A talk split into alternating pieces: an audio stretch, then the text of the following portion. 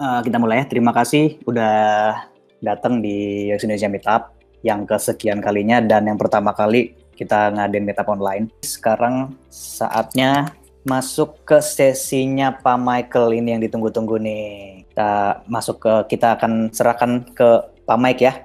Gimana Pak Mike? Udah siap? Siap, siap. Oke, silakan Pak Mike. Oke. Jadi sebenarnya uh, untuk sesi kali ini memang tidak murni UX, tapi kita akan ngebahas lebih ke SEO. Kenapa SEO itu penting? Ya di UX itu kan macam-macam ya, ada UX copywriting, UX design, UX UI. Nah, SEO itu emang kadang-kadang tidak terlalu di di ini ya, tidak terlalu dibahas di dalam dunia UX, tapi sebenarnya uh, SEO itu juga salah satu faktor yang ngebantu untuk ningkatin uh, eh, UX gitu kan. Kenapa bisa begitu? Nah, ini akan saya jelasin. Nah, sebelum kita masuk ke dalam materinya, saya mau ngasih indeksnya dulu. Jadi kita akan ngebahas banyak lebih banyak untuk SEO. Jadi eh, uh, 60% SEO dan sisanya baru apa kaitannya UX dengan SEO. Kenapa begini? Karena kita harus tahu dulu prosesnya gimana, SEO itu apa, uh, bagaimana meningkatkan traffic dan kenapa sekarang traffic itu bisa nyangkut ke UX. Itu. Ini indeksnya akan kita bahas untuk materi hari ini. Uh, pertama kita akan harus tahu sejarahnya, kenapa ada SEO, lalu bagaimana SEO bekerja, dan apa key metrics SEO supaya dia bisa ke halaman satu, kenapa kita butuh SEO, dan apa pro and cons-nya, lalu juga ngebahas lebih pada UX dan SEO itu bisa ini nggak sih, bisa jadi pasangan yang baik nggak sih, apa cuman mereka sendiri-sendiri, apa gimana, nanti akan saya jelasin. Lalu juga ada yang disebut oleh sebagai Google Rank Brain. Rank Brain ini adalah algoritma Google yang baru di mana UX itu sangat apa ya sorry di mana UX dan SEO itu bisa saling uh, membutuhkan seperti itu. Lalu terakhir adalah kira-kira apa aja sih yang bisa membuat SEO itu bagus dan UX itu bisa ngebantu. Nah sebelumnya saya mau kenalin dulu dulu. Saya Mikael Deobrata, saya sekarang di Zenius. Sebenarnya posisi saya sekarang udah bukan lagi SEO spesialis, saya sekarang lebih ke Markom. Cuman memang untuk waktu pertama kali saya direkrut di Zenius, saya adalah sebagai SEO spesialis. Nah, di dalam Zenius sendiri, saya bekerja juga bau-bau dengan tim produk untuk membuat halaman-halaman itu SEO friendly. Jadi dengan dengan posisi saya waktu itu SEO spesialis, saya memberikan keyword-keyword yang harus dimasukin dalam halaman itu, lalu di adjust lagi halaman seperti apa, lalu membuat halaman baru, itu juga menggunakan SEO. Kira-kira ini ada ada tren baru di keyword ini, halaman barunya apa? Kita bikin halaman baru. Dari situ baru UX dan UI ber, ber apa ya, merespons dalam kebutuhan SEO. Jadi di situ ada komunikasi antara beda tim, tim SEO dan tim UX, tim produk terutama. Seperti itu. Nah, itu kenapa ada bahasan ini. Kenapa SEO itu dianggap penting dalam proses uh, dibuatnya sebuah halaman. Oke, kita ngomongin sejarah dulu. Dulu itu di awal-awal banget SEO itu sangat simple. SEO itu seperti directory, seperti daftar. Ketika orang mencari uh, sesuatu lewat Yahoo atau Alta Vista zaman dulu tuh, atau misalnya Excite, dia cuma cukup cari kata sepatu, maka muncul daftar-daftar website yang ada isinya sepatu, ada isinya uh, baju seperti itu. Lalu bagaimana mereka meranking? Rankingnya masih manual waktu itu karena sistemnya cuma directory kan, cuma daftar mana yang kira-kira relevan, kata kunci dia muncul dan itu halaman satunya belum tentu menggambarkan halaman yang sesungguhnya. Sering dengan waktu website makin banyak, pengguna makin tinggi dari dari cuma 1000 website, 10.000 lama jadi jutaan. Makin banyak makin makin rumit dong, makanya Google membuat algoritma kira-kira mana yang masuk ke dalam halaman satu tuh website apa yang berhubungan dengan kata kunci itu. Karena Google yang awal-awal menerapkan algoritma yang sangat ketat, maka search engine lain juga mulai bubar karena mereka masih pakai sistem yang lama, masih sistem manual, masih sistem yang masih inilah, masih purba lah. Dengan adanya Google algorithm, semua dibikin lebih lebih kompleks gitu, tapi juga lebih akurat. Nah, perjalanannya panjang tuh, berbagai macam algoritma Google uh, membuat untuk halamannya lebih relevan dengan pencarian. Di tahun 2005 mulai pakai uh, dilihat dari domainnya, mulai lihat authority-nya. Maksudnya apa? Di domain itu dilihat dulu nih, domainnya udah berapa lama, berapa yang mengunjungi, seperti itu. Kenapa ini penting? Karena adalah awal-awal gimana Google tidak melihat hanya sebagai konten website itu, tapi juga performa dari setiap domain, performa dari setiap uh, website seperti itu. Di 2009 muncul juga kriteria untuk di SEO adalah uh, social discussion artinya ketika website itu dibahas di mana-mana dia akan mendapatkan nilai bagus untuk itu. Oke, kita langsung aja ke uh, berikutnya yaitu Bagaimana SEO bekerja? Nah, ini penting dibahas. Karena kalau kita mau mau tahu halaman kita itu di halaman satu, kita mesti tahu bagaimana uh, Google menaruh halaman kita di halaman satu. Pertama itu adalah search engine, dia mengirim semacam bot ya dalam website kita. Sebutnya spider.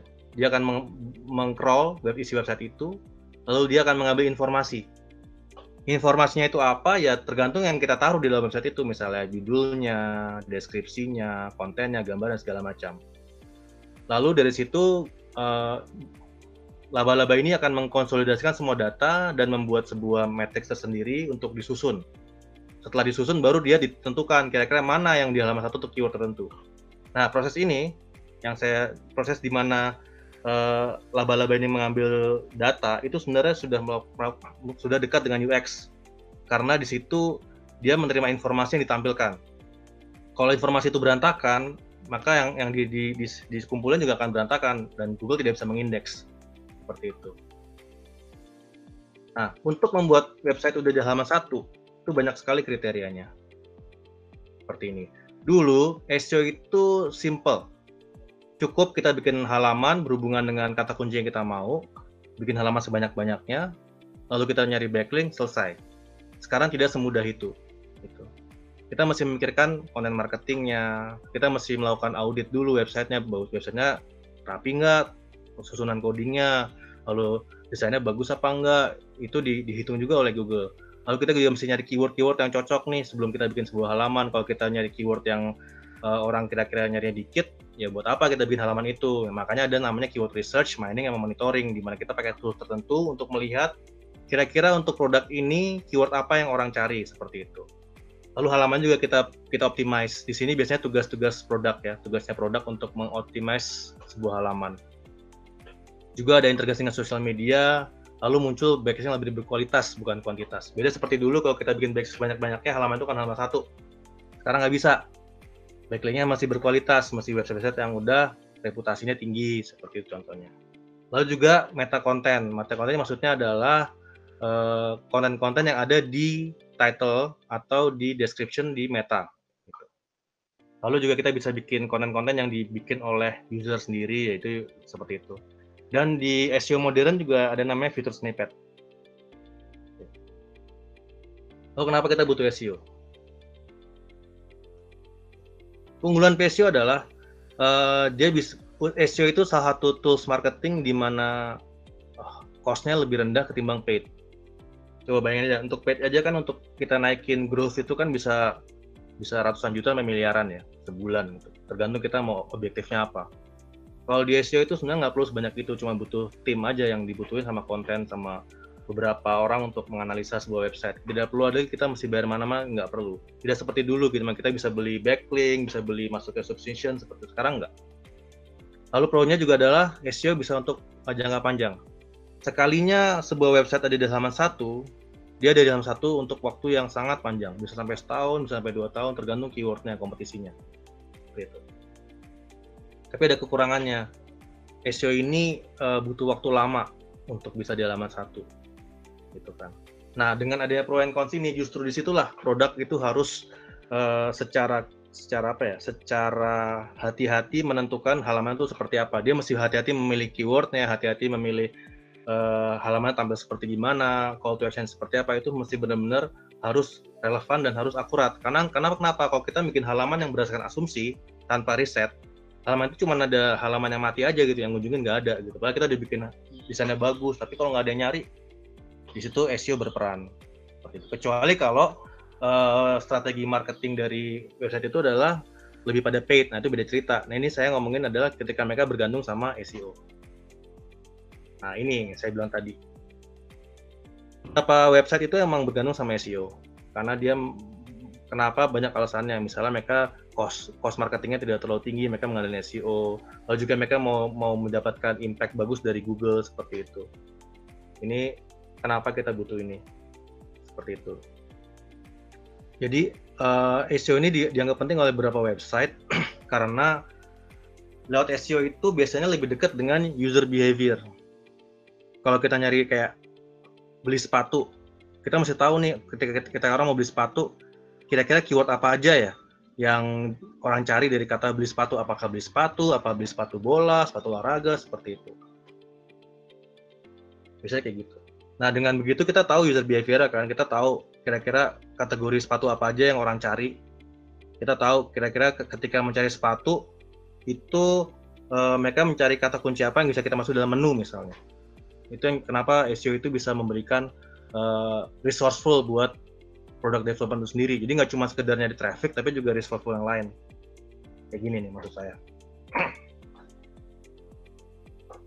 Kalau kita butuh SEO, ya udah gunakan SEO se semaksimal mungkin gitu. Kalau nggak butuh, kita bisa menggunakan metodologinya. Gitu kan. Karena kadang-kadang ada beberapa produk kan nggak butuh SEO kan, misalnya apa kayak app development itu kan nggak butuh SEO karena dia rata-rata uh, lebih pada branding gitu, lebih pada naikin uh, performance di ads misalnya atau performance di dalam ASO gitu kan. Tapi SEO juga masih jadi pakai. Misalnya untuk apa? Keyword search. Lewat keyword search kita jadi tahu trennya apa keyword-keyword yang muncul. Lewat tren yang muncul ini kita bisa populate keyword-keyword apa yang muncul, lalu kita bisa bikin konten di situ. Lalu lewat lewat lewat riset ini sendiri kita bisa mendalami skill untuk membuat Google jadi partner kita untuk riset.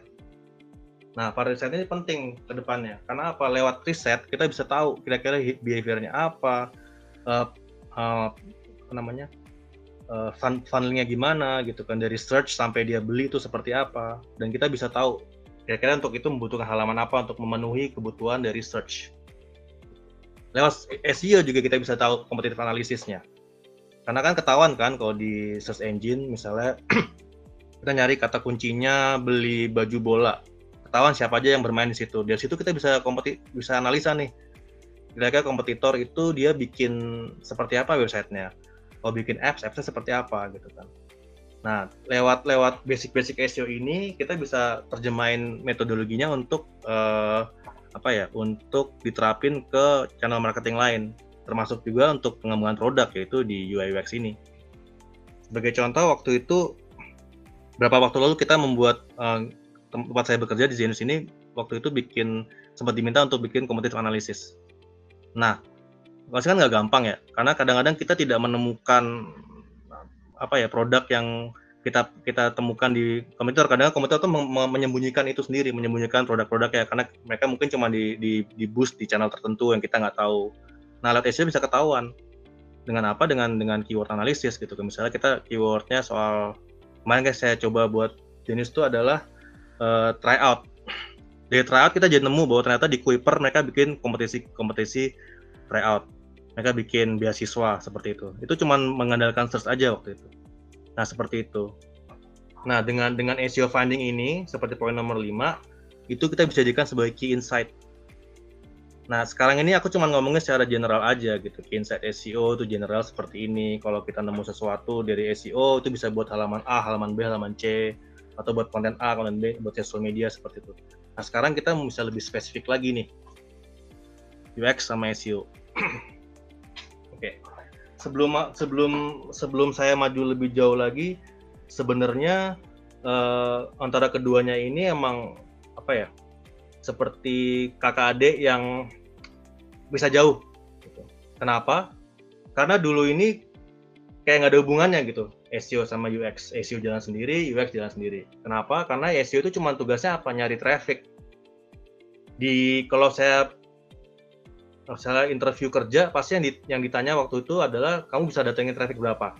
Kalau saya cerita, oh saya dulu pernah datengin misalnya 100%, 200% seperti itu tapi saya tidak tidak pernah ditanya kamu lewat SEO bisa nggak bikin website gue jadi lebih improve? Gitu. Atau bisa nggak kamu ngasih insight ke tim produk untuk memperbaiki web gue gitu? Nggak bisa. Itu tidak pernah ditanya. Masalahnya ini sudah sudah menjadi masalahnya ini tuh udah udah jadi sebuah bentar bentar betul masalahnya untuk masa sekarang itu nggak bisa terpisah. Kenapa? Karena algoritma Google memaksa SEO harus adaptasi dengan keadaan sekarang. Keadaan seperti apa? Yaitu di mana uh, user engagement dianggap penting oleh SEO. Kalau kita mundur ke belakang, ini kan ini sebenarnya kalau diterjemahin ke bahasa produk kan ini berhubungan sama user engagement kan. kalau keywordnya tepat, berarti kan diasumsikan orang yang mengunjungi halaman itu sesuai dengan apa yang dia mau. Kalau web page-nya dioptimize, misalnya loading time-nya diper, dipersingkat, berarti user akan senang karena dia buka website nggak perlu lama-lama. Kalau ada social integration, berarti orang dipancing untuk melakukan apa? Sharing gitu kan. Nah, kayak gini-gini itu sebenarnya udah merupakan kawinan itu sendiri antara SEO dan produk, terutama untuk UX. Gitu memang UX itu tidak tidak dibikin berdasarkan SEO engine murni. UX kan dibikin berdasarkan kebutuhan ini kan, kebutuhan user kan, kebutuhan pasar kan. Tapi bukan berarti tidak bisa menggunakan search engine untuk uh, bahan riset. Nah itu seperti apa? Kayak gini. Jadi di masa lalu SEO tujuannya cuma mengarahkan ke website. Lalu di situ UX yang bertujuan eh, bertugas untuk membuat website itu bikin orang betah, efektif lah tombol-tombolnya, copywritingnya, desainnya, loading time-nya itu tugas SEO. SEO nggak ada, eh, sorry tugas UX. SEO nggak ada hubungannya nih sama sama si sama apa namanya sama performa website itu di awal-awal. Nah ternyata sekarang itu tidak begitu lagi. Apa yang dibuat oleh UX refleks ke dalam performa SEO. Maksudnya apa? Kalau UX-nya bagus, kalau produknya produknya rapi dan dan dan accessible, maka rankingnya akan semakin bagus di SEO gitu. Karena apa? Karena ada namanya Google Rank Brain. Kalau kita balik lagi ke belakang secara histori ini kan tadi saya sempat sempat tunda nih ngomongin ini. Kenapa? Karena emang di awal-awal SEO itu cuma berdasarkan ini aja, berdasar eh, algoritma masih simple. Sekarang algoritmanya sudah melibatkan user behavior. Jadi Google tahu nih halaman ini kira-kira engagementnya berapa, kira-kira dia loading time-nya berapa, juga tahu kira-kira halaman ini dibaca sampai bawah apa enggak. Google merekam itu semua, direkam di sini, seperti itu. Itu mau nggak mau membuat uh, product development itu harus memaksa untuk websitenya lebih engage, engaging lagi, karena dengan dengan dengan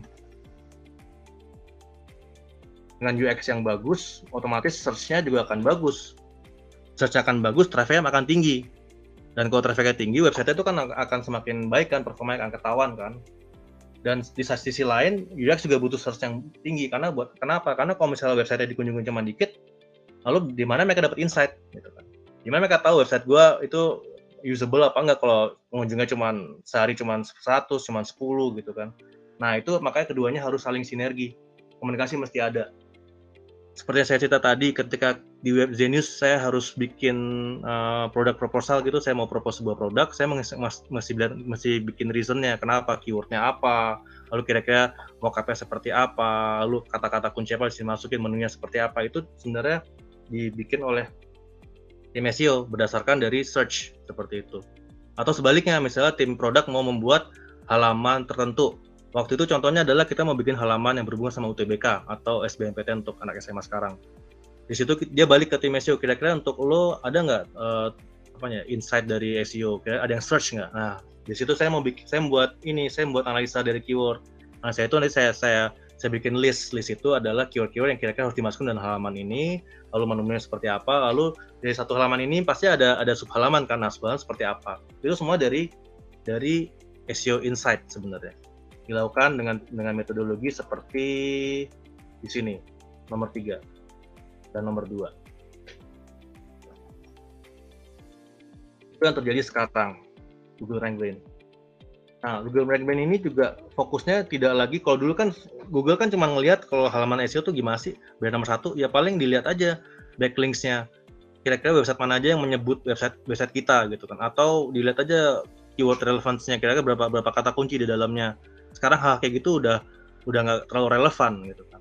Mau keyword kita cuma satu kalau itu udah sesuai dengan kemauan user itu akan di halaman satu.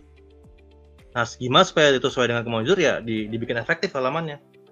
Behavior matrixnya ditentukan bounce rate-nya juga dinilai. Kan kalau halamannya bagus desainnya mau nggak mau bounce rate-nya juga kan semakin rendah dong. Dia efek eh, kalau dia efektif websitenya berarti harusnya orang akan lebih engage ke situ kan. Kalau orang udah dari pertama nggak suka berarti website lu mesti diperbaikin. Mau SEO-nya bagus sebagus apa pun kalau kita landing page-nya jelek itu akan memperburuk nilai SEO dan dan seterusnya. Nah, itu mah rank brain ber, berperan. Dia melihat tidak hanya SEO secara teknis tapi juga melihat dari sisi user. Bahkan rank brand ini juga bisa membeda-bedakan hasil pencarian di berbagai user bahkan berbagai kelompok user, berbagai uh, area, geolocation seperti itu. Jadi emang ini benar-benar harus di develop dengan sangat sangat teliti, sangat jadi nggak bisa kayak dulu gue misalnya bikin sebuah halaman ya udah bikin kita riset aja dari riset riset yang kita bikin kecil-kecilan lalu bikin halaman nanti kalau selesai ya udah nggak bisa sekarang harus benar-benar ada ada ada ada apa ya ada ada justifikasi dari pasarnya juga yaitu dari SEO seperti itu. Nah, ini tadi sudah saya jelasin. Jadi poin-poin ini, terutama yang saya merahin ini, itu adalah uh, poin ini tidak hanya untuk SEO saja, tapi UX designer, UX copywriter juga mesti memperhatikan poin-poin yang ada yang saya sebut. Kenapa? Karena dengan adanya poin-poin ini diperhatikan, maka performa webnya juga akan bagus dan kalau performanya bagus dan relevan tentu seorang UX designer seneng dong wah website gue nih yang engage-nya bagus nih gitu selain gue ber, berjasa tanda petik itu bikin ini jadi enak di diakses tapi juga ternyata relevan karena sesuai dengan keyword yang kita cari misalnya. Oke, nextnya. Nah di apa namanya? Sebenarnya uh, SEO itu teknis banget ya. Ini sebuah sebuah tools market sebuah apa ya? Bukan tools sebuah channel marketing yang sangat teknis. Jadi mereka dari dulu SEO itu punya banyak sekali teknik-teknik yang harus dikejar dan menyebalkannya lagi karena kalau kita balik pertama lagi karena secara sejarah algoritma ini Google tidak pernah menceritakan kira-kira kenapa halaman kita jadi halaman satu maka SEO spesialis itu harus uh, mencari tahu. Memang Google memberikan update setiap tiga bulan, tiap enam bulan bahwa ini loh update-nya. Tapi biasanya update-nya secara general aja gitu. Kita menebak-nebak sendiri. nah dengan cara itu maka uh, SEO itu tidak bisa bekerja sendiri lagi. Kalau kita masih menemukan beberapa tempat di mana SEO itu kerja sendiri, maka itu dia menggunakan uh, metodologi yang sudah usang. Gitu saya bilang usang ya walaupun sebenarnya usangnya cuma beda setahun dua tahun aja sebenarnya tapi sebenarnya saya tetap bilang karena uh, SEO sekarang itu udah nggak mungkin lagi bekerja sendirian bahkan tidak tidak tidak hanya bekerja dengan tim UX tapi juga bekerja dengan tim lain tim riset tim sosial media tim konten lalu tim PR itu SEO harus bekerja sama terutama di UX kenapa di UX karena dengan dengan UX yang lebih efektif itu akan ngebantu ranking. Jadi ibarat kata KPI-nya KPI bareng lah. Gitu kan. Misalnya KPI-nya naikin traffic, itu bukan cuma miliknya SEO, tapi milik juga di di ini di tim-tim lain, tim produk, tim desain, tim UX seperti itu. Seperti itu. Nah, uh, ke depannya sendiri emang SEO ini akan akan mengarah ke sana, bukan mengarah ke sana ya, udah di sana, tapi akan lebih lagi mengembangkan uh, metodologi untuk menaikkan rankingnya lewat uh, lebih ke user friendly, user friendliness.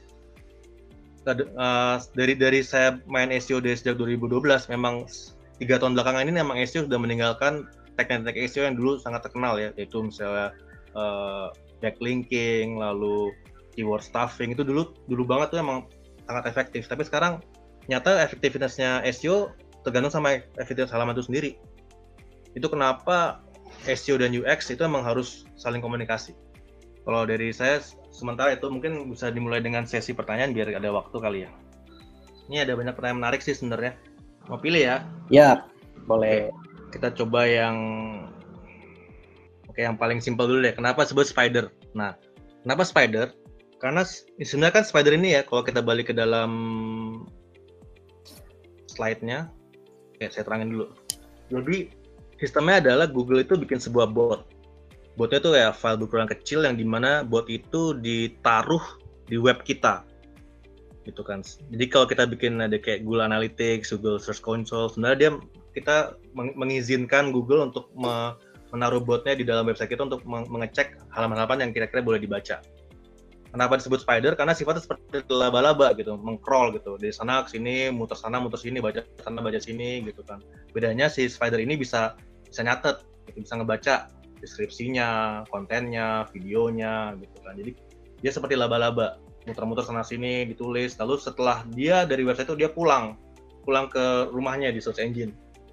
semua catatannya itu disimpan sama Google dikonsolidasi. Nah itu kenapa disebut Spider. Oke. Okay. Oke, okay, udah udah kejawab belum yang ini yang nanya kenapa disebutnya Spider? Udah udah kejawab ya. Ya soalnya uh, penjelasan dari Pak Max sendiri juga udah cukup jelas tadi kenapa disebutnya Spider. Oke, okay. uh, bisa lanjut Pak Mike dipilih. Yap. Ini juga menarik juga melihat arah perkembangan teknologi karena mobile apps bisakah konsep konsep SEO diterapkan dalam aplikasi. Nah, iya bis, bis, bisa untuk on some extent. Jadi untuk beberapa hal tertentu bisa karena kayak teknik SEO untuk meranking sebuah halaman itu sebenarnya nggak bisa diterapin verbatim ya ke dalam dalam apps ya. Tapi sebenarnya bisa. Kalau kita balik ke slide ini, kan saya bilang nih untuk SEO itu bisa ditranslate ke channel marketing yang lain. Jadi sebagai contoh gini, di SEO kan ada namanya keyword search. Keyword search itu kan kelihatan volume. Gitu kan. Dari volume itu akan kelihatan nih, saya ngambil contoh uh, kayak gini nih. Jadi volumenya kan kelihatan nih. Kira-kira untuk kata sepatu pria volumenya 18.100. Terus sepatu sneaker 13.100. Nah, di situ akan kelihatan bahwa ternyata pencariannya cukup banyak nih untuk seperti ini gitu kan. Nah, di dalam aplikasi berarti kebutuhan konten untuk konten ini bisa. Itu salah satu contoh bisa juga dari dari search engine ini bisa nentuin kira-kira uh, apa apa aja yang bisa dimasukkan dalam sebuah halaman halaman apps gitu kan. Karena kan kalau misalnya kita berkaca lagi sama di dalam web kan kelihatan tuh dari dari SEO ke UX tuh gimana uh, praktisnya. Nah ini juga bisa diterapin ke dalam dari SEO ke apps. Ini saya ambil contoh lagi. Ini kayak misalnya gini nih dari search to page. Ini adalah sebuah uh, apa namanya ya hal praktis di mana SEO bisa diterapkan langsung dalam sebuah halaman, di mana ini juga berlaku untuk apps juga sebenarnya. Walaupun apps ini tidak reflect ke search engine, tapi setidaknya refleks ke dalam user user experience itu sendiri. Seperti contoh gini, ini saya ngambil contoh di Zalora. Zalora itu di halaman sepatunya itu dia naruh beberapa keywords kata kunci. Ini kan kata kunci ini kan kalau kita lihat sebenarnya seolah-olah ya ini kata kunci biasa aja ditaruh sini supaya ada tapi kalau kita perhatiin sebenarnya kata kunci ini nggak nggak lazim nih. Kenapa kok ada kata beli sepatu di sini? Padahal kan halaman ini jelas halaman beli. Ini kode ini ternyata sebuah tombol gitu kan. Oh ada juga kategori-kategori. Bagaimana mereka mengkategorikan ini? Kan kita mungkin mikirnya ah, cuma dari dari dari riset produk aja, tapi belum tentu. Siapa tahu bisa jadi ini adalah dari demand juga. Demand tahu dari mana? Ya dari search engine gitu kan. Nah kita coba kita lihat lagi jawabannya di sini kelihatan ternyata untuk kata sepatu formal volumenya cukup gede sepatu bus 22.000 sepatu olahraga ini kan kelihatan ada sepatu olahraga ada sepatu formal untuk untuk seperti ini tuh tidak tidak asal-asalan dibikin ya tentu mereka risetnya nggak cuma sekedar riset SEO juga tapi juga riset uh, inventory mereka riset juga kira-kira ketika gue punya kategori ini pembelinya banyak apa kayak gitu macam-macam. Jadi untuk uh, apakah SEO bisa ke apps? Bisa. Tapi sebatas uh, user experience-nya aja sih. Tapi untuk naikin ranking di ASO itu uh, masih belum bisa dijawab sekarang karena emang ASO ini kan masih agak beda ya sama SEO ya. Jadi uh, bisa tapi sebatas pengembangan produk. Kayak gitu. Oke, udah cukup jelas belum yang tadi pertanyaan tadi tuh? Ya. Yang si Ray yang nanya. Oh, Ray yang nanya. Gimana, Mas Ray? Udah cukup jelas belum?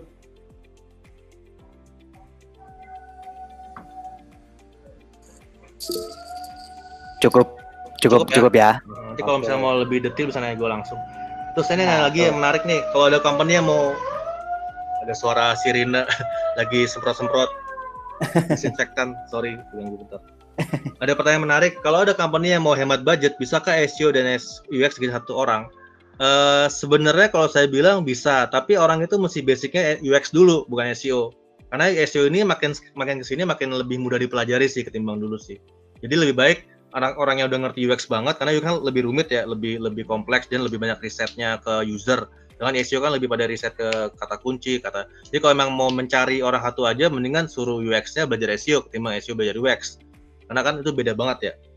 Dan SEO itu si UX-nya bisa belajar SEO uh, eh, yang yang pretty basic sih. Yang gimana nanti gue bisa kalau misalnya mau lebih sesi yang lebih jauh, bisa juga kan gue kasih tau kira-kira seorang UX itu butuh ilmu SEO apa aja sih yang dipelajari tekniknya gimana gimana membuat itu lebih automated lebih cepat nggak perlu tiap hari mesti review seperti itu jadi kalau menurut kalau, kalau ditanya bisa satu orang bisa tapi basicnya harus UX dulu bukan bukan sebaliknya gitu kan Karena kalau ngajarin orang SEO UX tuh agak susah sih. Oke. Okay. Oke. Okay. Uh, ini yang nanya anonim, uh, anonim nih, pada malu-malu nih. Udah cukup uh, cukup jelas belum yang dijawab oleh Pak Mike? Itu nih kalau misalnya mau tanya tulis aja namanya, jangan malu-malu. Itu tak kenal maka kata sayang. Oke, udah cukup jelas ya. Oke, lanjut Pak Mike, boleh lanjut ke pertanyaan Oke. yang Oke, Hmm? gue gue lihat-lihat dulu. Hmm. Pertanyaan berikutnya.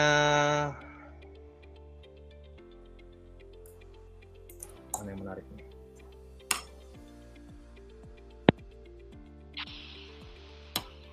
Eh, apakah SEO-nya diperuntukkan di Google saja? Gimana kualitasnya? Sebenarnya eh, kalau kalau SEO sebenarnya kan SEO itu kan search engine kata-kata kata yang ditonjolin ya, bukan Google optimize optimization ya. Search engine itu bisa di mana aja, search engine di Tokopedia, search engine di Zalora, toko search engine di di mana pun itu. Cuman kan yang paling kompleks itu kan Google. Yang lain-lainnya kan sebenarnya kita nggak tahu dia karena dia nggak pernah rilis update, nggak pernah rilis uh, guidelines. Sedangkan di Google tuh meskipun uh, nggak terlalu nggak terlalu detail banget, tapi ada guideline-nya, ada pedoman-pedoman SEO-nya. Jadi kalau dibilang SEO itu bukan Google saja, secara etimologi enggak, tapi secara praktik sebenarnya iya untuk Google saja gitu. Kalau kita pakai engine lain, kita pakai gunakan aja best practice Google akan akan ini kok akan ngaruh kok.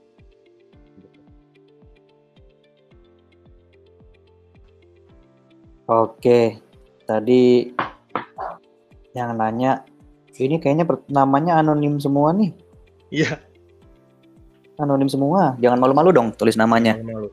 Oke. Tadi siapa nih yang tanya tadi tuh? Udah jelas belum yang dijawab sama Pak Mike? Oke. Iya, nggak ada yang jawab. Oke. Sekarang ini pertanyaan menarik juga nih. Apakah seorang UX writer harus belajar ilmu ilmu menurut saya? Iya. Walaupun nggak perlu terlalu dalam sih. Kayak misalnya kan kalau saya bilang key metrics-nya itu ada kayak quality backlink, social intelligence itu sebenarnya nggak perlu dipelajari. Tapi kalau untuk seperti ini, seorang user mesti tahu untuk kira-kira trend keywordnya seperti apa, audit audit biasa itu seperti apa, on page optimization seperti apa, meta content seperti apa. Kenapa? Kita ambil contoh sini. Kata-kata kunci yang muncul di sini tuh sebenarnya based on SEO sebenarnya. Walaupun secara keseluruhan ini sebenarnya bukan bukan SEO based, ini lebih pada produk ya, lebih pada riset produk, lebih pada lebih pada customer experience gitu kan. Tapi untuk yang kata kata-kata yang dimasuk sini sebenarnya juga berhubungan sama SEO sebenarnya. Karena kan halaman seperti ini itu adalah halaman yang bisa diproduksi di, di, di generate secara ini ya lebih cepat ketimbang bikin artikel kan. Kalau kalau kita bikin artikel kan emang lebih gampang buat SEO, tapi kan nggak semua website tuh ada artikel ya kayak Zalora kan isinya kebanyakan produk. Nah itu gimana produknya supaya SEO friendly? Nah dia masih masih tahu ilmu ilmu SEO itu sendiri. Kata kuncinya masih tahu milihnya yang mana supaya taruh sini. Lalu gambar-gambarnya mesti juga mesti tahu dikasih dikasih meta tag apa di gambarnya seperti itu. Jadi kalau ditanya harus belajar SEO ya harus gitu kan. Karena kan juga butuh butuh ini kan butuh traffic kan website itu kan. Terutama kalau dia nggak ada nggak ada apps-nya ya itu udah pasti banget dia butuh traffic. Kalaupun dia apps doang seperti saya jelasin tadi dia butuh juga untuk riset sebenarnya untuk melakukan riset untuk me, me, kira-kira apa sih user behavior uh, orang patuh apa sih kira-kira gambar-gambar yang perlu dimunculin itu kan SEO bisa membantu. Ini ada pertanyaan lagi, apakah SEO digunakan untuk engagement customer atau monitoring positif negatif? Nah ini jawabannya sayangnya SEO itu emang emang fokusnya lebih ke nambah engagement sih, lebih ke riset, lebih nambah traffic. Kalau misalnya sentimen positif negatif itu uh, apa dulu nih? Apakah sentimen terhadap, terhadap brandnya atau terhadap, terhadap produknya itu biasanya SEO tidak bisa uh, monitoring itu. Nah, monitoring pakai apa ya? Mungkin pakai tools lain, tools-tools lain yang bisa monitoring dari dari media, dari sosial media seperti itu. Terus. Hmm, Oke. Ini ada pertanyaan baru nih kayaknya nih Pak dari Ricky sama Ray itu. Ya tadi Ricky saya jawab ya untuk engagement customer atau Oh engagement customer ya. Tadi udah saya jawab. Yang terakhir nih yang yang Ray ya. Menarik nih. Satu contoh masterpiece yang dilakukan di Zenius. Nah, jadi gini, waktu sebenarnya saya di setiap company yang saya bantu SEO-nya emang pasti ada ceritanya ya, termasuk Zenius. Zenius itu kan uh, ada sejarahnya website ini kan tadinya website sekarang mulai ke apps. Nah di website itu tadinya emang kita punya banyak sekali konten. Tapi konten itu kayak kayak sembunyi-sembunyi nggak terdetek sama sama Google gitu kan. Padahal sebenarnya konten ini sangat bagus buat pencarinya. Kenapa saya bilang begini? Karena anak-anak sekolah itu kalau misalnya dia mau cari topik dia lewat search engine.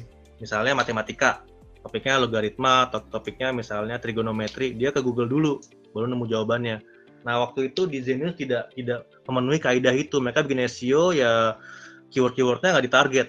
Mereka pakai keywordnya yang general aja gitu bimbel matematika secara general. Nah saya mulai melakukan metodologi lain. Saya membuat keyword-keyword analisis yang lebih ketat di kategori-kategoriin lalu di setiap setiap keyword itu saya bikin project. Misalnya keyword kumpulannya matematika dia ada turun keyword apa aja saya bikin project. Ini kira-kira untuk keyword ini disuplai pakai apa gitu. Misalnya pakai blog atau halaman baru nah akhirnya dari dari melakukan riset itu dan melakukan uh, analisa itu kita bisa membuat beberapa halaman-halaman halaman-halaman lain.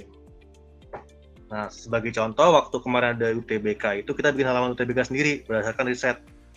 Dengan itu ya lumayan sih uh, kenaikan trafficnya untuk untuk tiga bulan terakhir ini itu bisa uh, nggak sampai nggak sampai 100% sih, tapi bisa sampai 50% dari tahun lalu naikkan traffic. Karena gitu emang emang SEO itu kan nggak bisa cuma satu keyword ya. Banyak keyword yang mesti kita bikin kita target kita bikin projectnya kan untuk keyword ini kira-kira bikin apa bikin artikel kah bikin halaman kah. Itu yang bisa saya lakukan di Genius sih. Dan tahun lalu itu kalau nggak salah dalam tiga bulan pertama itu targetnya tuh dua eh sorry tercapai dua setengah juta untuk organic traffic. Dan sampai hari ini sudah tiga setengah juta. Ya 16 juta. Dan ini Maret belum selesai kan. Jadi kemungkinan kita dapat 4 juta gitu. Jadi kalau itu ya bisa dikatakan masterpiece. Cuman kalau masterpiece lain saya waktu dapetin lagi waktu dulu di Book My Show. Itu saya bisa naikin traffic sampai 300% dari tahun sebelumnya. Eh enggak, bukan di tahun sebelumnya dari dari dari musim sebelumnya karena kan kalau tahun sebelumnya nggak fair ya karena tahun sebelumnya mereka belum kuat jadi mereka dibandingin sama musim sebelumnya di mana film-film lagi naik lalu dengan musim film naik berikutnya kita lihatin ada kenaikan nggak ada kenaikan sampai 300%. Oh ada lagi nih ya oke satu lagi ya Oke, jika membanding beberapa berbagai komputer yang paling mudah, baga bagaimana? Hmm. Oh, maksudnya setelah competitive analysis kita nemu apa yang ada di komputer gitu ya? Oke, saya ngerti sih maksudnya. Pertanyaannya adalah jika kita melakukan competitive analysis, bagaimana membuat konten yang bisa diadopsi untuk produk kita? Nah, kalau di SEO kan kadang-kadang kita menemukan uh, jawaban atau menemukan hal-hal baru yang ternyata dibuat oleh kompetitor di mana kita tidak tahu sebelumnya. Kenapa bisa kita tidak tahu? Karena mungkin di saat itu kita lagi sibuk mengerjakan yang lain, kita lagi fokus yang lain, jadi kompetitif analisisnya itu tidak sempurna. Nah, ternyata ketika kita menggunakan search engine, kita nemu nih, ternyata si, misalnya waktu itu saya bilang tadi, Kuiper bikin sesuatu nih, hal yang besar. Nah, bagaimana untuk diadopsi? Nah, diadopsi itu sebenarnya bukan tugas SEO, tapi tugas lebih ke produk sebenarnya. Kira-kira kalau kita mau adopsi itu produknya ada resource-nya nggak? Ada tim yang bisa ngerjain nggak? Ada ada supply kontennya nggak? Ada IT-nya bisa nggak untuk mengerjakan itu? Lalu tim bisnis prosesnya bisa menjalankan itu apa nggak? Nah, ketika udah udah lengkap kriterianya, kita bisa bikin kayak itu nih, kita bisa kita adopsi. Nah, itu baru tugas SEO untuk membuatnya searchable. Gitu. Kalaupun di, di apps, di apps-nya itu adalah dikasih insight. Kira-kira di dalam apps lu masih ada konten seperti ini, seperti seperti ini, berdasarkan uh, insight dari kita. Itu jawabannya. Jadi kalau misalnya bisa diadopsi tergantung dari resource kita itu sendiri. Misalnya kayak uh, kalau kita misalnya Zalora sebagai contoh, saingannya adalah misalnya apa? Misalnya Tokopedia, mereka Tokopedia punya kategori misalnya sepatu sepatu apa ya? Sepatu selancarnya. Terus Zalora mau bikin, ya mereka mesti mesti tahu dulu dong punya nggak produknya? Kalau nggak punya nggak bisa dibikin dong kayak gitu sih. Jadi tergantung itu bukan tergantung SEO tapi tergantung dari gimana tim produknya atau tim bisnisnya sendiri bisa bisa supply apa enggak kalau bisa nanti SEO tinggal melengkapi aja sih. Oke. Udah kejawab ya tadi yang tanya terakhir itu? Jawab mas. Oke thank you thank you. Sampai berjumpa di UX Indonesia Meetup berikutnya dan kita berdoa semoga kita semua diberi kesehatan uh, terhindar dari virus corona dan virus corona ini cepat berlalu. Kita bisa ketemu lagi di mita-mita berikutnya secara offline. Stay safe dari Pak Mike. Thank you Pak Mike. Sampai ketemu lagi. Namaste. Thank you. Bye. Thank Sampai ketemu lagi ya. Yeah.